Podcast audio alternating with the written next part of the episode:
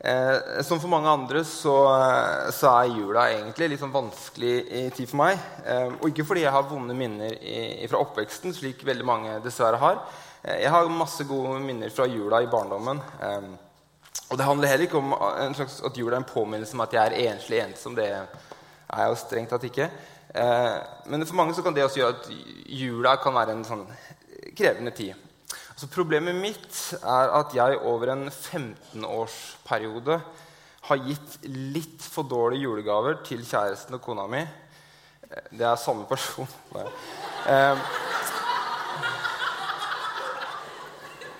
eh, jeg kan nevne eh, fadesen fra 2004, da jeg ga henne en bok og selv fikk PlayStation. Eller Skrellen i 2009, da jeg endte opp med å gi en tur til New York. Eh, som jeg senere trakk fordi jeg trengte pengene til et studieopphold i San Francisco for min egen del. I, I, løpet av årene jeg og Kjersti har gitt hverandre julegaver, så har jeg aldri gitt den fineste gaven. Ikke en eneste gang. Nå ble det stille. Altså Den totale ydmykelsen kom jula 2014, da jeg slo på stortromma for å få endelig å, ja, og ga en iPhone 5S. Vet du hva jeg fikk? Jeg fikk iPhone 6 av kona. Nei, helt sant. Altså, Jeg har ikke noe annet enn tapsopplevelser knytta til julegaver eh, og julaften de siste 15 åra. Og nå har det gått så langt at bare lukta av pinnekjøtt og, og, og, og ribbe det gir meg en slags sånn dårlig samvittighet og, skamfølelse. Eh, og heldigvis da, så er det slik at eh, denne høytida, som i, i, Norge vel først og fremst eh, markeres en slags kollektiv, total overgivelse til handelsstand Heldigvis eh, er det slik at det finnes noe annet å rette oppmerksomheten mot. Eh, I den store norske sammenhengen blir dette selvsagt bare en liten detalj som de fleste av oss ikke har noe særlig sterkere forhold til enn at vi registrerer den årlige debatten om skolegudstjenester. Men det har seg altså slik at noen steder i verden, for noen mennesker, så er altså vår eh, kjøpefest eh, den er en markering av at Gud ble menneske. Ja, det stemmer. Gud har blitt menneske. Han har levd på den samme jorda som, som, du og jeg nå gjør vårt for å knekke gjennom vårt overforbruk. Eh, og, og, for de av oss som i jula og ellers kan kjenne på skam og, og tapsopplevelser, og helt sikkert også for dere andre, så er det da fint å kunne rette oppmerksomheten mot um, noe som er veldig eh, lite og skjørt, og samtidig ubegripelig stort. Eh, og Kanskje er det også enklere for oss å stoppe ved det nå, når julegaven er åpna og julematen er fordøyd. Så kjære dere, eh, nå vil jeg at vi skal rette oppmerksomheten vår mot det største av alle mirakler. Gud har blitt menneske. Eh, og Jeg skal lese det som var den teksten jeg fikk, som står i Hebreerne 1, 1-4. Og der står det mange ganger og på mange måter har Gud i tidligere tider talt til fedrene gjennom profetene. Men nå, i disse siste dager, har han talt til oss gjennom Sønnen.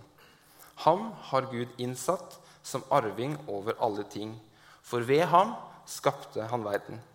Han har utstrålingen av Guds herlighet og bildet av hans vesen, og han bærer alt ved sitt mektige ord. Da han hadde fullført renselsen for våre synder, satte han seg ved majestetens høyre hånd i det høye. Slik ble han mye større enn englene, for det navnet han har fått i arv, er så mye større enn deres. Skal vi be litt. Eh, kjære gode Gud, jeg har lyst til å takke deg for, eh, for Bibelen, eh, og at du eh, møter oss der. Takk for det. Eh, og takk for at du er sammen med oss nå. Og så ber jeg om eh, nok et mirakel, at eh, vi må få lov til å se litt mer av, av, din herlighet nå i kveld. Det ber jeg om i Jesu navn. Amen. Um,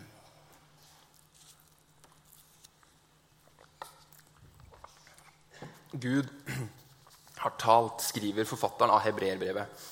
Mens jeg og, og flere med meg stadig uroes av Guds stillhet. Eh, for det mange av dere sikkert håper på og lengter etter, er at Gud skal bryte stillheten og si oss noe. Vi lengter etter en opplevelse av Guds ledelse. Et tegn eh, som kan forsikre oss om at han virkelig er her, og at han virkelig bryr seg om oss. Har en plan for, for deg. Vi lengter etter å møte Gud. Og For mange av oss er det jo derfor vi kommer på, på, kristne møter og gudstjenester. Det er derfor vi leser i Bibelen og formulerer bønner til Gud. Vi vil kjenne Han, møte Gud. Og jeg syns det er fine, fine ønsker.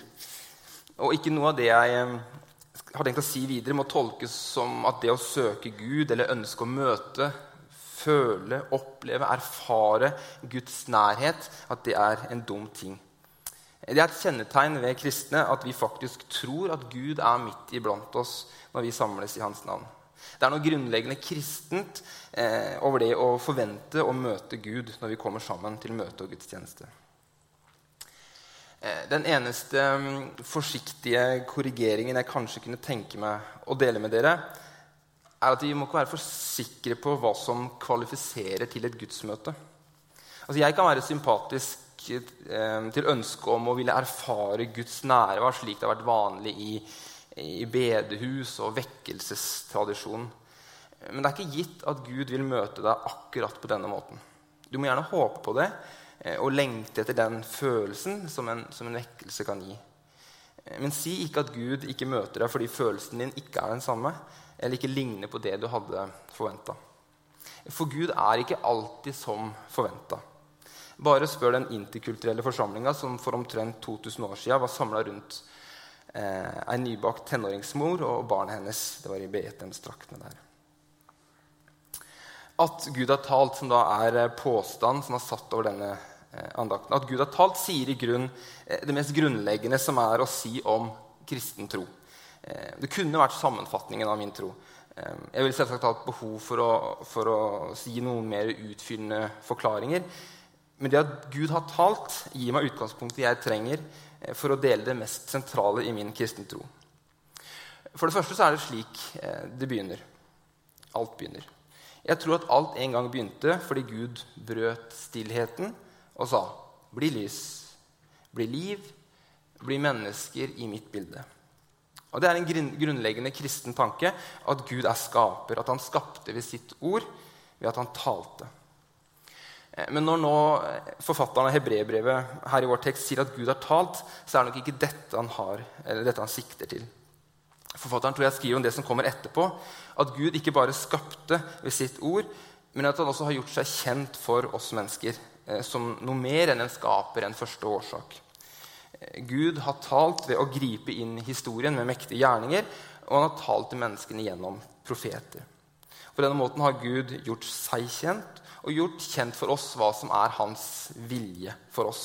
Så han har gitt løfter som han senere vil oppfylle. Eh, og Disse profetiene eh, og historiene de finner vi i Det gamle testamentet. Eh, der har Gud tidligere talt til fedrene gjennom profetene, leser vi da her først i hebreerbrevet. Men nå, fortsetter forfatteren, i disse siste dager har han talt til oss gjennom Sønnen. Jesus talte Guds ord til oss, eh, og Jesus er Guds ord, Guds tale. Før talte Gud til fedrene gjennom profeter, eh, men nå har han talt til oss. Så kunne han ha sendt noen andre, slik han har gjort tidligere. Han kunne sendt ei bok, slik muslimene tror. Men Gud gjorde ikke det. Gud kom selv. Gud kom selv som en hjelpeløs og liten baby. Han ble født av ei tenåringsjente. Han ble født på en reise til et liv som flyktning. Gud ble født. Gud ble kjøtt og blod. Gud ble født som en av oss. Og Gud ble født for oss.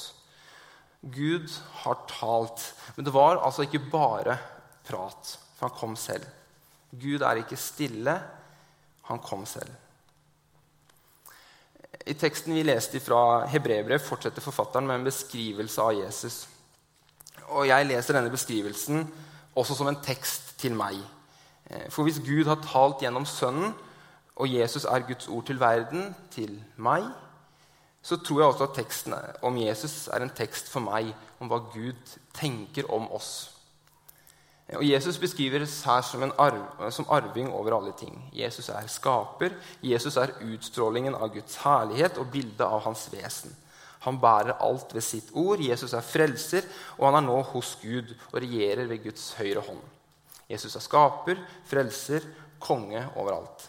Både det synlige her i vår verden og alt annet.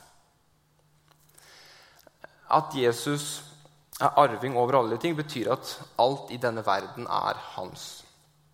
Johannes skriver i begynnelsen av sin bok om Jesus at det sanne lys, Jesus, kom til sitt eget. Eh, denne verden, dette universet, er hans. Alt dette er hans. Og Det er en tanke som er vanskelig å fatte.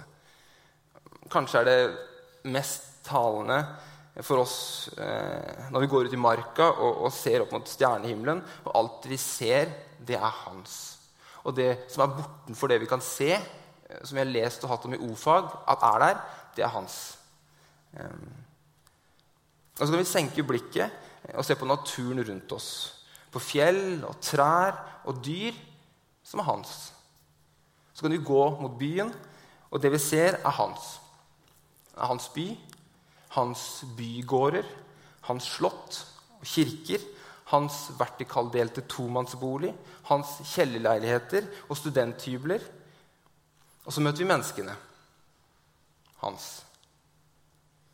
De er hans, de som samles i de ulike gudshusene. Og de som aldri ber. Og vi som møtes på Storosenteret lille julaften på leting etter den ene gava vi har ansvar for. Gutten som selger dop nede ved Akerselva, er hans. Akkurat som gutten som selger seg sjøl borte ved børsen. De er hans, de som nettopp har kommet og nå er eh, plassert på flyktningmottaket på Refstad. Og vi som er her inne, er hans. Da Gud ble menneske, kom han til sine egne. Til sin verden, sine mennesker. Fordi alt sammen er hans. Og slik er det, forklarer hebreerbrevet. Og for så vidt også Johannes evangeliet. Slik er det fordi alt er skapt ved han. Jesus kom til den verden han selv har skapt, Til den verden som han bærer ved sitt mektige ord. Og Mirakelet i Betlehem begynner å vokse utover det vi kan gripe med tanken. Når den lille babyen i tenåringsjentas armer er den som, skapt, som alt er skapt ved. Men slik er det altså fordi dette lille barnet, for å låne ordene til hebreerbrevets forfatter, er utstrålingen av Guds herlighet og bildet på hans vesen. Han er Gud. Eh, I teologien eh, og deler av filosofien har det vært tradisjon for å snakke om Gud og beskrive Guds egenskaper med utgangspunkt i det skapte. Eh, og For det spesielt interesserte er det altså snakk om apofatisk og katafatisk teologi. Kona mi advarte meg mot å ta med det avsnittet her, men Jeg gjør som jeg vil. Apofatisk utsagn tar også utgangspunkt i, i verdens eh, og, menneskets begrensninger. Og så er Gud en slags kontrast til det. da. Mens verden er, og vi mennesker er endelig, så er Gud uendelig. Mens vi mennesker er underlagt tiden, så er Gud evig. Og så er det da det katafatiske eh, utsagnet om, om Gud, tar altså utgangspunkt i det skapte, og så slutter logisk videre fra dette at Gud er den perfekte utgaven. Eh, mens vi mennesker kan være gode, så er Gud absolutt god. Mens vi kan ha makt, så er Gud allmektig. Mennesker kan ha kunnskap. Gud er allvitende. Eh, dette er for så vidt en eh, spennende og, og sånn tiltalende måte å, å jobbe med teologi på. Men det fins altså en annen måte eller kilde som gjør det mulig for oss å si noe om Gud, kjenne Gud. Fordi han har åpenbart seg for oss. Og nå sa Kjersti også at nå burde du egentlig si at nå kan du begynne å følge med igjen. for når du, ja. eh, Gud har åpenbart seg for oss. Når Gud ble menneske, når han frelste oss, så forteller det oss noe om, om Gud.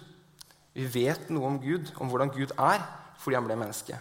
Fordi han døde for våre synder og sto opp fra de døde igjen.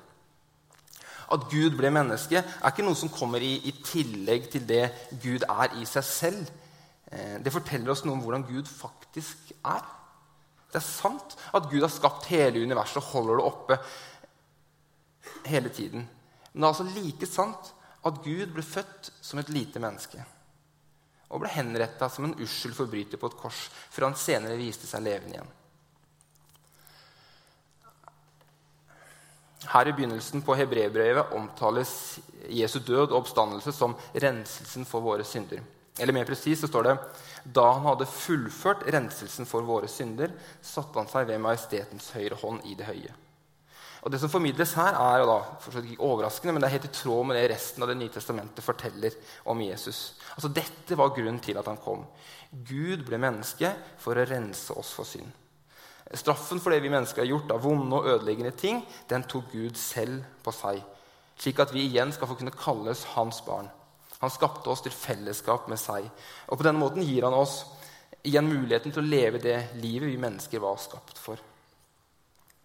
I mye av frikirkeligheten og, lavkirkeligheten her i Norge har nok påsken med Jesu lidelse, død og oppstandelse vært kjernen i ja, religiøsiteten. Eh, det var i påsken Jesus frelste oss. Eh, men for meg personlig fremstår jula og inkarnasjon, som vi kaller det, at Gud ble menneske, det, det fremstår stadig tydeligere som, som det store mirakelet. Jeg kan ikke iblant ha vanskelig for å forstå hvorfor noen vil ofre seg for meg, spesielt siden jeg vet det jeg gjør av meg. Men det er ikke egentlig poenget. Det Jeg prøver å si at jeg er ikke overraska over at Gud kan frelse. Og Det henger sikkert sammen med at jeg, ikke, jeg kjenner ingen annen Gud enn han som ville frelse, som er frelser. Men poenget mitt er at det krever ikke så mye fantasi da, å komme opp med tanken om at Gud er frelser. For hvem andre skulle det være? Det som forundrer meg, det jeg ikke syns er like lettfattelig, er måten det skjedde på. Altså det store mysteriet, slik jeg ser det, er at Gud valgte selv å bli menneske for å frelse. Så vil jeg sikkert passe meg for å sette ulike mirakler opp mot hverandre. Men en mindre forsiktig person, f.eks. C.S. Lewis, ville her driste seg til påstanden om at det største under, eller store miraklet, er at Gud ble menneske. Eller kanskje det ikke er så dristig allikevel. For det er også der Johannes begynner sin fortelling om Jesus. Med dette sjokkerende mirakelet. At han som skapte denne verden, på ett tidspunkt i historien også ble en del av den. Og han kom til oss, fortsetter Johannes i sin prolog-innledning, for at vi som tror på han, tar imot han, skal bli Guds barn. Han kom for å vise oss som aldri har sett Gud. Han kom for å vise oss hvem Gud er. Gud er ikke stille. Gud er, har talt. Men hva er det egentlig han eh, sier til oss? En annen taler ville kanskje nå brukt resten av talen på å snakke om Guds ledelse i hverdagen. Om erfaringen av at Gud er nær og gir konkret veiledning. Avslag på en jobbsøknad kan tolkes som at Gud ikke ønsket meg der, mens et spørsmål om å være med hit eller dit kan forstås som Guds ledelse i en bestemt retning. Og Jeg kan ikke si at jeg har så veldig mange sånne erfaringer. Um, og, Kanskje er det fint å ha sterk, en sterk opplevelse av at Gud har ledet meg hit eller dit.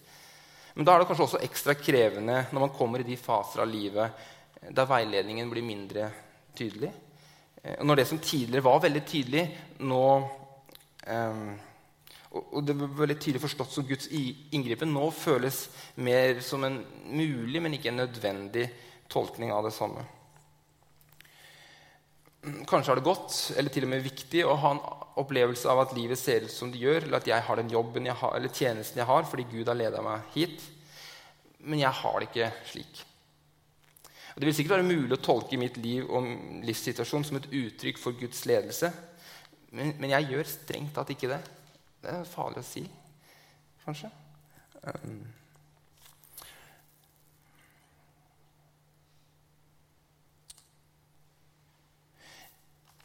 Jeg tror at Gud er med meg, og at jeg gjør som far, sønn, ektemann, bror og som arbeidstaker, det gir meg en anledning til å ære Gud med livet mitt.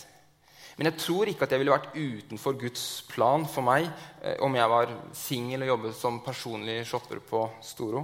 Jeg ville sannsynligvis vært dypt deprimert og umotivert, men det er jo ikke poenget. Eh, poenget er at jeg, jeg ikke vet helt sikkert at Gud vil ha meg her eller der. Men nå er jeg her, eh, og akkurat her kan jeg tjene Gud. For selv om jeg kan være litt usikker på hva som er min plass her i livet, hvis det er lov å si for en som har blitt 35 Men også selv om jeg ikke vet helt sikkert at Gud vil ha meg her, så vet jeg noe om hva han tenker om meg og, og ønsker for meg og for de jeg møter. Detaljene er nok litt uklare, men de lange linjene i Guds tale de ser jeg også i mitt liv. En annen forståelse av Guds tale og ledelse er de som finner alle svar i Bibelen. Og Det tenker jeg er litt skumle saker. Her kan tilfeldige vers i Bibelen bli forstått som direkte beskjeder til den enkelte.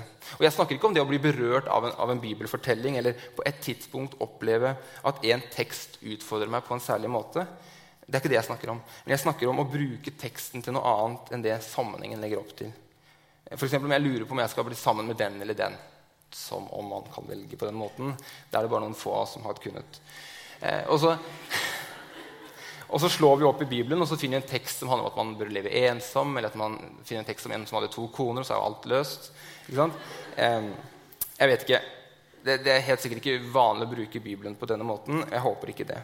Det som kanskje er noe mer vanlig, er når vi gir råd til andre og bruker enkeltstående bibelord for liksom å underbygge vårt standpunkt. Og Det kan være skumle saker, fordi vi lar ordene vi finner i Bibelen, der, og derfor ha en, helt bestemt tyngde for oss kristne. Vi bruker disse ordene til å si det vi ville ha sagt. Vi låner, eller kanskje vi egentlig burde si stjeler, Guds autoritet for å argumentere for vårt eget synspunkt. På den måten beveger vi oss egentlig farlig nær det å gjøre oss selv til Gud. Eh, vi er ikke egentlig så sikre på hva Gud vil eh, vi eller andre skal gjøre i denne bestemte situasjonen. Men så låner vi ord i Bibelen og på den måten Guds og Kirkens autoritet når vi argumenterer. Og Her kunne jeg kanskje også slengt på noen kommentarer om å gjøre Bibelen til en bok om alt. Eh, men det blir det bare bråk av. Så jeg skal liste meg videre til det som var saken i kveld. Hva er det Gud sier til oss? Og betyr det at han nå har talt til oss gjennom Sønnen?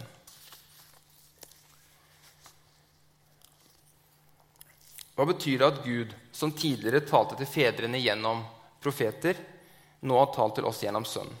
Hva betyr at Gud ble menneske? Hva kan det bety at han som en gang skapte alt dette, med det oss Hva kan det bety at han kom hit som en av oss? Hva kan det bety at han kom fordi det bare var slik han fortsatt og for alltid kan ha oss hos seg? Fordi det bare er slik vi kunne se han. Hva er det han da sier? Hører du det? Trodde du Gud var stille? Hører du ikke den klare talen fra en som setter himmel og jord i bevegelse for deg og meg? Hører du han sier 'min'? Til eh, personen du ser i speilet, til deg, om deg?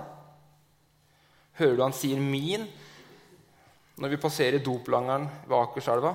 Og gutten ved børsen, han som, som, noen har fortalt ikke er mer verdt enn det han er villig til å gjøre for penger? Hører du Gud si 'min'? Hører du ikke at Gud ble menneske for dem som nå i kveld setter seg i en båt i Middelhavet? Lurer du fortsatt på hva Gud vil deg? Du må fortelle dem det. Fortell dem at Gud ble menneske for dem. Døde, sto opp igjen for dem. For oss. Detaljene i Guds tale til deg, de kjenner jeg ikke. Men de lange linjene i Guds tale er klar. Fra profetene til Sønnen sier Gud 'min' om oss, om deg. Min, sier han. Min.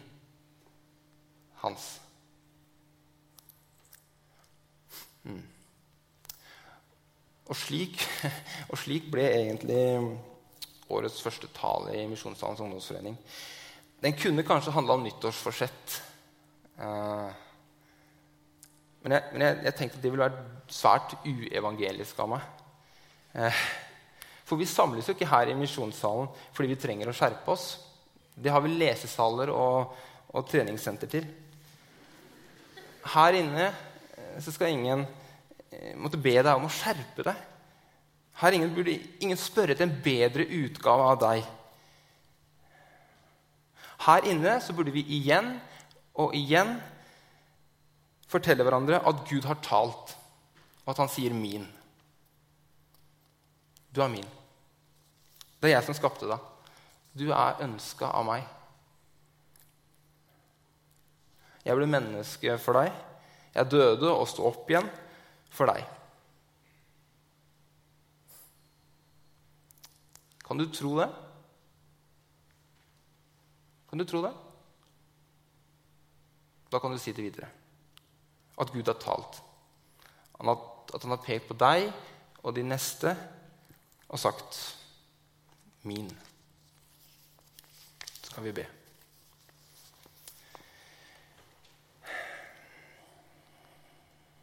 Kjære Gud. Vi vil takke for at du har gitt deg til kjenne, at du har um, talt. Vi vil takke for at du ble født som et menneske, at du døde, og at du sto opp igjen fra de døde. Og at du på denne måten har gjort, gjort det slik at vi kan få kalles eh, dine barn. Jeg takker for at du kaller oss dine. Hjelp oss å tro det. Skap den troen i hjertene våre. I Jesu navn. Amen.